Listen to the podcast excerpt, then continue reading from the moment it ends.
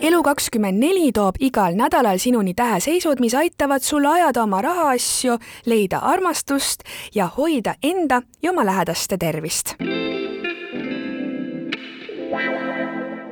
tänases podcastis kuulete, mida tähed sul uueks nädalaks ennustavad. veevalaja vajab nüüd toetavat õlge, kuid sünnipartner toob väljakutse, aga nüüd kõigest lähemalt, head kuulamist Jäär võib kaotada sel nädalal ühe oma sissetuleku või peab ootamatult palju raha välja käima.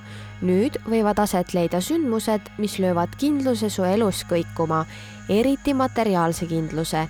seetõttu tasub rahaküsimustes ettevaatlik olla ja pigem tagasihoidlikku otsuseid teha sõnnisuhted toovad sel nädalal rahutust ja rahulolematust. partneriga on raske, kuid mitte võimatu samal lehel püsida sa võid tajuda, et partner töötab sulle vastu ning tekitab sellega teie vahele distantsi ning samuti võid sa ka sügavalt kahelda oma elu suunas, et kas sa oled ikka õiges kohas.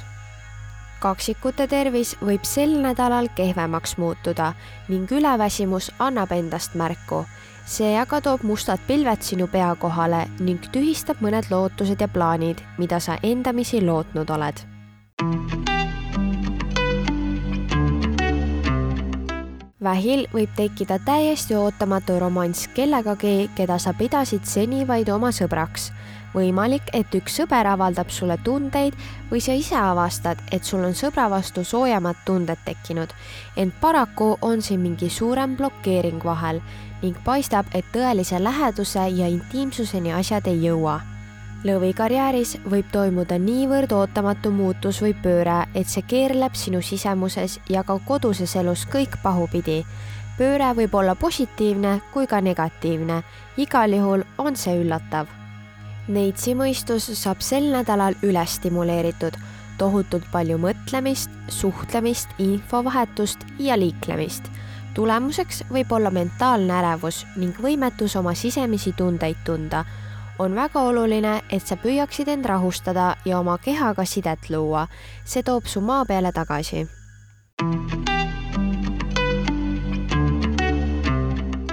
kaalude enesehinnang võib saada sel nädalal suure põntsu. paistab, et sinuni tuleb mingi ootamatu tagasiside. mõnel juhul võib olla see ka ülipositiivne kuid võib olla ka kriitiline. igatahes on see üllatav ja raputab sinu pilti ja hinnangut iseendast. see võib aga väljenduda ka läbi materiaalse ja rahalise poole. Skorpion satub sel nädalal löögi alla. keegi tema partneritest käitub täiesti ettearvamatult ning ees on mingisugune teede lahknemine sul on valik, kas ta muudab üht oma põhiosa iseendas või väljub sellest partnerlusest. kuna sa oled olemuselt püsiv, on iseenda muutmine väga raske. olukord tekitab sinus tunde, et mingi kindlus, mille peale sa lootsid, läheb kaduma.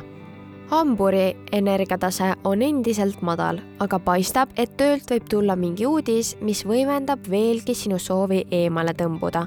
ka üks terviseprobleem võib ootamatult endast märku anda. sa võid tunda nüüd muremõtteid, mis ei ole sulle muidu üldse omased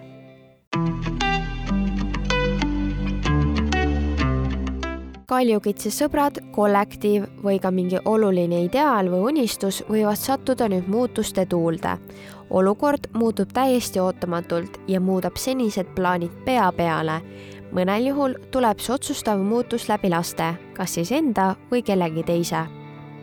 veevalaja kodu ja karjäär saavad sel nädalal raputada kas tööl juhtub midagi sellist, mis toob kaasa kodusesse ellu või koduses elus juhtub midagi nii ootamatut, et see mõjutab sinu võimet ennast tööl teostada ja ka seda, kuidas teised sind näevad. siin on teatav kriis. kalade usk ja lootus ja entusiasm pannakse taas kord proovile. siin käib võitlus madalama mõistuse ja kõrgema meele vahel üks on ärev ja hüplik, teine aga rahulik ja voolav vähemalt on kindel see, et mis tahes probleeme sa sel nädalal ei koge, see kõik juurdub mõtlemise tasandil. sa võiksid nüüd tõsiselt mediteerida või mõne teraapilise tegevusega end siduda.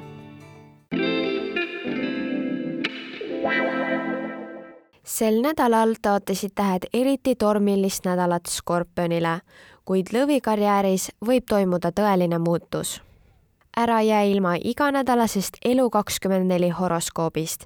pane like ja follow meie sotsiaalmeediakanalitele ja telli digitellimus juba täna.